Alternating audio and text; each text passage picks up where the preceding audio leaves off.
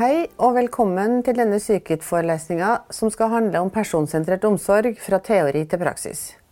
Mitt navn er Irene Røen. Jeg jobber som leder for utviklingssenter for sykehjem og hjemmetjenester i Hedmark.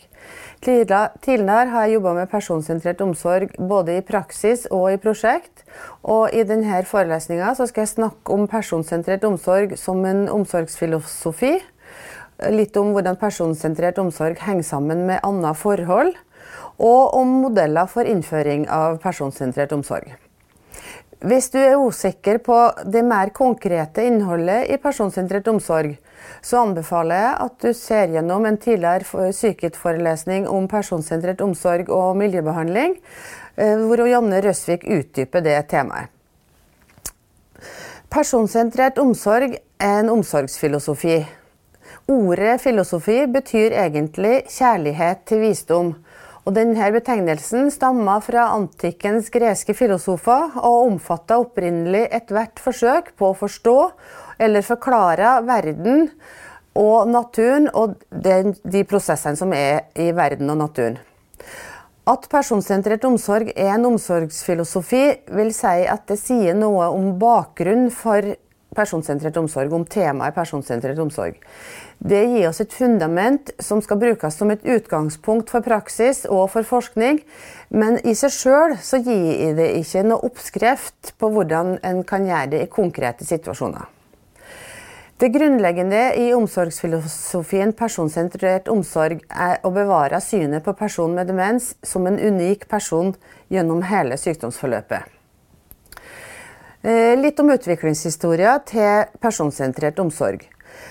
Allerede på 1920-tallet så foreslo filosofen Martin Buber en alternativ tilnærming i medisinsk praksis, der han mente at pasienten først må ses som en person og ikke som en sykdom.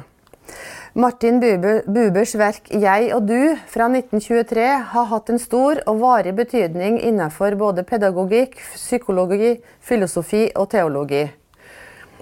På 1950-tallet introduserte psykologen Carl Roger en personsentrert tilnærming i de terapeutiske relasjonene mellom terapeuten og pasienten, som var balansert for å frigjøre pasientens egen kreative evne og han grunnla da den personsentrerte tilnærmingen til omsorg. Og foreslo en personsentrert tilnærming basert på aksept, omsorg, empati, følsomhet og aktiv lytning, og at det fremma optimal menneskelig vekst. Og Det er disse to tilnærmingene som psykogerontologen Tom Kitwood bygde sin teori om personsentrert omsorg på, senere da på 80- og 90-tallet. Kitwood foreslo at demens skal forstås som en samhandling mellom nevrologisk celleskade og psykososiale faktorer, fysisk helse, psykologi og miljø, og med fokus på dette i en sosial kontekst. Og visualisere betydningen av det her med å legge vekten på person, og ikke demens i benevnelsen 'person med demens'. Kitwoods arbeid var en del av en bølge med psykososiale tilnærminger som vokste frem på, 18, på 80- og 90-tallet, og som hadde den hensikt å forbedre den daværende praksis i demensomsorga. Kitwood hadde en tanke om at vi fremfor alt i møte med mennesker er nødt til å se, fremheve og utvikle personen med eller uten sykdom. At vi alle er unike, og at det ikke endrer seg sjøl om en får en demenssykdom. Kitwood skriver at ifølge alminnelig sunn fornuft er det innlysende at enhver person er inderlig forskjellig fra alle andre. Og Det er det her Kitwood snakka om når han bruker begrepet 'personhood'. Det er et begrep som vi ikke har på norsk, eh, men det er ofte oversett med ordet 'personverd'. Begrepet 'personhood' handler om at det er i møte med andre at vi får bekrefta vår verdi som menneske. Det er fra mennesker vi møter at vi får oppmerksomhet og respons på oss sjøl, og vi trenger å bli sett og hørt av andre og oppleve at vi har plass i fellesskapet og at vi er regna med. Kitwood kalte god omsorg for personer med demens for godarta sosialpsykologi, som f.eks. anerkjennes, forhandling, samarbeid, at vi har et avslappa tempo, respekt og inkludering. Og når positiv, en slik positiv samhandling blir en del av det daglige arbeidet med personer med demens, så løfter det personen. Det motsatte kalte Kitwood for ondarta sosialpsykologi, og beskriver samhandling som hemma person, som f.eks. det å holde et for høyt tempo, at vi barnsliggjør, bruker kallenavn eller umyndiggjør pasienten. McCormack og McCain har utvikla en personsentrert sykepleierramme med bakgrunn i at for å levere personsentrert omsorg er det nødvendig å vurdere forholdene ved omsorgsmiljøet for å sørge for effektiv omsorg gjennom omsorgsprosessen. Denne sykepleierramma består av fire konstruksjoner og heter The Person Centered Nursing Framework. Den første forutsetninga i rammeverket den viser til pleierens egenskaper og dens profesjonelle kompetanse. Dens, pleierens mellommenneskelige ferdigheter, evne til å være tydelig i forhold til tro og verdier i omsorgskulturen. Det handler om en reflektert helhetlig tilnærming som er basert på kunnskap, ferdigheter og holdninger. Utviklingen av mellommenneskelig evne skjer i en kombinasjon av å forstå seg sjøl og å forstå andre. Ved å forstå oss sjøl som følelsesmennesker er vi i stand til å respondere på en vellykka måte overfor andre personers følelsesatferd. Og at færre vi kan hjelpe andre, må vi ha innsikt i vår egen person. Det andre konstruksjonen i dette sykepleierrammeverket er selve pleiemiljøet. Det her som sitter i veggene, som ofte blir kalt for pleiekultur. Og det inkluderer en hensiktsmessig blanding av kompetanse og miljø som gir mulighet til selvbestemmelse. Det skal være et godt arbeidsmiljø i en støttende organisasjon som har en klar ansvarsfordeling. En kultur i en avdeling blir ikke sett på som noen har, men som noen er. Og dermed en kultur skal bli skapt og gjenskapt gjennom aktørene i avdelinga. Fysiske omgivelser spiller òg en rolle for personsentrert omsorg, men også hvordan avdelinga fremstår når vi trer inn i den. Hvordan blir pårørende møtt? Hvordan blir pasienter møtt? Hvordan er omgivelsene? Er det kunst på veggene? Hvordan er inventaret? Lys, lyd og lukt. Alt dette er medvirkende faktorer for hvordan en avdeling oppleves å oppholde seg i. Rammeverkets tredje punkt er personsentrerte prosesser som fokuserer på å yte omsorg gjennom aktiviteter og arbeid med pasientene. I forhold til deres tro, verdier, engasjement, det at de er til stede, og det å gi valgmuligheter og sørge for å dekke fysiske behov. Å jobbe personsentrert det handler om å utvikle et klart bilde over hva pasienten er for noen, hvem han er, hva slags verdier han har og finne mening i det som skjer. At pasienten finner mening i det som skjer. Personer er òg definert ut fra våre historiske forbindelser. Og en god relasjon krever at pleieren tar inn over seg det spesielle denne personen er for noe, og den spesielle relasjonen den enkelte pleier har til den enkelte pasient. Det fjerde her rammeverket er utfallet eller resultatet av personsentrert omsorg. Som f.eks. hvor tilfreds er vi med omsorgen, både vi personalet som gir den og pasientene som får. Hvor involvert er folk i omsorgen? Gir det en følelse av velbehag? Er det et trivelig terapeutisk miljø? Og er det en evne til å endre det hvis en ser at det er nødvendig? Disse kvalitetene former praksisen, og det krever at ansvaret ligger både på den enkelte pleier og på organisasjonen for at læring kan skje og undring kan skapes. Ledelse av dette er veldig vesentlig og viktig. Og det skjer gjennom å inspirere. Lederen må være en rollemodell, må holde fast i denne prosessen som personsentrert omsorg er eller skal være. Det å aktivere, aktivere andre, oppmuntre gjennom å forvente det beste. Dette krever et godt samarbeidsforhold mellom lederne og de ansatte.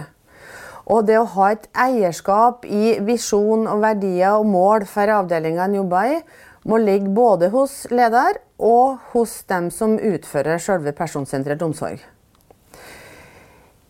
En studie fra Storbritannia av Killet og medarbeidere sier noe om det her, hva som må til ligge til grunn for å drive med personsentrert omsorg. De gjennomførte en studie for å undersøke forholdet mellom det de kaller omsorgskultur, og beboernes, beboernes erfaring med den omsorgen de da mottar. De inkluderte elleve sykehjem i Storbritannia og undersøkte pasientens opplevelse av omsorgen de fikk, både gjennom observasjon og gjennom intervju. De inkluderte elleve sykehjem, og fant da at de sykehjemmene ga veldig forskjellig eh, ha veldig forskjellig kvalitet på omsorgen de ga. Det var fra sykehjem som konsekvent og gjennomført ga god omsorg, og til der de beskriver det som at positiv omsorg kun skjedde som et uhell. De kom fram til at omsorgskulturen i institusjoner har en innflytelse på den omsorgen som blir gitt. Og på bakgrunn av den undersøkelsen så identifiserte de sju kulturelle element som indikatorer på hvordan organisatoriske kulturer i sykehjem påvirker kvaliteten for omsorgen til, som beboerne mottar. Så over til modeller for implementering av personsentrert omsorg. Det, I Norge så finnes det nå fem kjente modeller eller metoder som er prøvd ut for å implementere personsentrert omsorg. Men det som er felles med dem alle, er at de bygger på modeller for kvalitetsforbedring. Systematisk forbedringsarbeid. Og det er en kontinuerlig prosess som da kan illustreres i form av en sirkel, slik det gjør i denne modellen for kvalitetsforbedring. Denne modellen er utvikla av, av seksjon for kvalitetsutvikling i det tilnær kunnskapssenteret i Folkehelseinstituttet, og den er å finne på Helsebibliotekets nettside. Den modellen er en generell beskrivelse av hvordan man kan gå frem for å oppnå forbedringer i tjenesten i fem faser. Det første trinnet er å forberede. Trinnene i denne fasen er avgjørende for en god start på forbedringsarbeidet. Trinn nummer to er å planlegge. Og det handler om å planlegge forbedringsarbeidet før en går i gang, på bakgrunn av det en har funnet i første fase. Tredje fase er å utføre. Prøve ut og tilrettelegge ny praksis. Så kommer fjerde fasen, som er en evalueringsfase. Det bør være en løpende evaluering av forbedringstiltak og det er avgjørende for å vite om det en har gjort, har virka, og at hensikten er oppnådd og faktisk har ført til forbedringer. Så Den siste fasen er å følge opp. Det er ikke minst nødvendig å følge opp, følge opp forbedringsarbeidet for at det skal bli vellykka både på kort sikt og på lang sikt. Så til de modellene for å implementere personsentrert omsorg, som da som sagt, alle har det til felles at de er bygd rundt det her med en systematisk problemløsningsmetode for et forbedringsarbeid. For å få implementere personsentrert omsorg i praksis er det greit å ha modeller å jobbe etter. Som jeg sa tidligere, så har vi i dag fem modeller vi har Dementia Care Mapping, som er en standardisert metode der målet er å utvikle en personsentrert omsorgspraksis for personer med demens. Metoden benytter observasjon og empati for å forstå perspektivet til personen med demens, og beskrives både som et verktøy og som en prosess. Som observasjonsverktøy så brukes dementia care-mapping til å kartlegge pasientens grad av velvære, grad av atferd og aktivitet og engasjement i detalj over en periode på fra fire til seks timer. Dementia care mapping-observasjoner kan bidra til å utvikle og opprettholde personsentrert omsorg ved at observasjonene gjøres jevnlig og personalet får tilbakemelding på det som skjer gjennom disse observasjonene. Marte Meo er en veiledningsmetode som fokuserer på kommunikasjon og relasjoner. Dette er en metode som bruker filmopptak av samspill som arbeidsverktøy, og det tas utgangspunkt i funksjonsstøttende grunnelement for kommunikasjon. Det bruker filmklipp som viser øyeblikk med god kommunikasjon og et gjensidig og godt forhold mellom pleier og person med demens. Det blir vektlagt på det positive, og det blir brukt i veiledninga. Ideen er at i det gode øyeblikket så får personen med demens den støtten en trenger for å forstå det som skjer og for å oppleve mestring. Og ved at pleierne da i større grad gjør mer av det som virker, så vil personen oftere oppleve seg sett, bekrefta og kompetent. Tredje metoden er VIPS-modellen. VIPS-rammeverket og Dementia Care Mapping er begge to bygd på Kitwood sin ø, omsorgsteori om personsentrert omsorg. VIPS-rammeverket er en videreutvikling av Kitwood sin teori. og VIPS-rammeverket er utvikla av Dawn Brooker og er en oppsummering og en konkretisering av Tom Kitwoods omsorgsfilosofi. Hver bokstav VIPS står for hvert sitt element som må være med for at omsorgen skal være personsentrert. Hvert element har igjen seks indikatorer eller hjelpespørsmål som er med å konkretisere det dette elementet handler om. V-en står for et verdigrunnlag som anerkjenner menneskets absolutte verdi, uavhengig av alder eller kognitiv funksjon. I-en står for en individuell tilnærming som vektlegger det unike hos hvert enkelt menneske. P-en står for en evne til å forstå verden sett fra personens perspektiv. Og S-en står for etablering av et støttende sosialt miljø som dekker personens psykologiske behov. VIPS praksismodell er da videreutvikling av VIPS-rammeverket og er en metode som bruker indikatorene fra VIPS-rammeverket til å analysere en konkret pasient- og pleiersituasjon i et strukturert fagmøte i enheten. Det er Janne Røsvik som har jobba videre med VIPS praksismodellen. Hver bokstav i VIPS representerer et element som beskriver verdien som skal prege den enkelte pleier og avdelingen for at omsorgen skal være personsentrert. Metoden strukturert miljøbehandling bygger på John Gunderssons grunnlag for miljøbehandling og bruker systematisk tilrettelegging av miljøet i behandling av personer med demens. Her fokuseres det på hva, som skjer når miljøet brukes som behandling, og det fokuseres på personalets rolle i personsentrert omsorg. I denne metoden består, er det også et planverktøy som er personalets arbeidsredskap for å sikre gjennomføring og dokumentasjon av personsentrert omsorg. Dette planverktøyet sørger for struktur og gir oversikt over tiltak, aktiviteter og oppgaver som skal utføres i avdelinga for å gjennomføre personsentrert omsorg.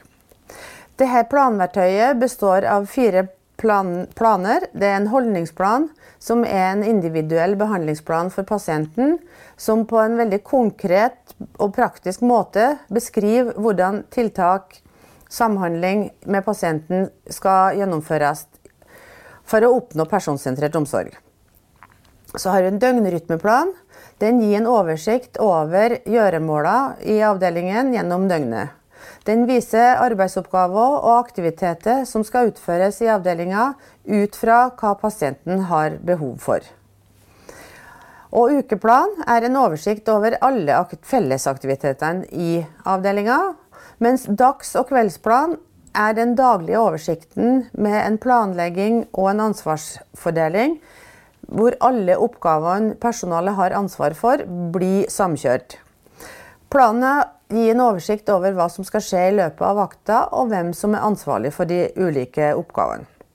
Her fire metodene har hver sin styrke og løfter fram ulike dimensjoner i personsentrert omsorg. I det temaheftet her så presenteres det et prosjekt der de fire metodene og erfaringene fra det prosjektet der to sykehjem bruker alle fire metodene i seks måneder. Og de eh, ble konkludert med at de metodene utfyller hverandre. Den femte metoden, tidmetoden, Tverrfaglig intervensjon ved utfordrende atferd ved demens er òg en systematisk tilnærming for å implementere personsentrert omsorg. For mer innføring i den metoden så viser jeg til en egen sykehetsforelesning av Bjørn Lichtwark. Så litt om studier som viser effekt eh, eller sammenheng med personsentrert omsorg. Hos pasienter så har studier vist at personsentrert omsorg har effekt ved at det er med å redusere nevropsykiatriske symptomer. Det reduserer bruken av nevroleptika. Og det er med å gi bedre humør og livskvalitet. Studier som har sett på sammenheng mellom personsentrert omsorg og andre forhold, har vist at eh, forholdet mellom ansatte og personen med demens er viktig. Det har vist at ansattes holdninger og arbeidsmetode er viktig. At jobbtilfredshet og evne til å gi individuell omsorg har eh, betydning. At personalet har tro på personhood ved demens. At utbrenthet og samarbeid, fysisk og sosialt miljø har effekt i forhold til personsentrert omsorg. Og psykososiale forhold på jobb har òg betydning. Studiet har òg vist at det fysiske miljøet er viktig for å forbedre pasientens livskvalitet og for eh, kvaliteten på omsorgen. Og Oppsummert på bakgrunn av de studiene kan vi si at det er en sammenheng mellom graden av personsentrert omsorg i sykehjem og med forhold hos ansatte og i enheten. Og det er knytta til forhold hos pasienten.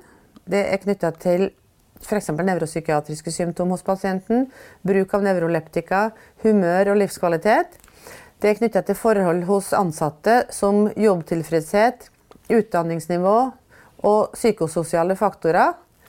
Som opplevelse av mestring og jobbkrav, organisatoriske faktorer som ledelse og gruppetilhørighet, og at det fysiske miljøet er tilrettelagt for personer med demens. Disse forholdene bør tas med i planlegging og gjennomføring av omsorg og behandling i sykehjem. Og det blir gjort bl.a. i den nasjonale faglige retningslinja om demens, som kom i 2017. Der gis det sterk anbefaling om å bruke personsentrert omsorg i behandling av personer med demens, både på organisatorisk nivå og på individnivå.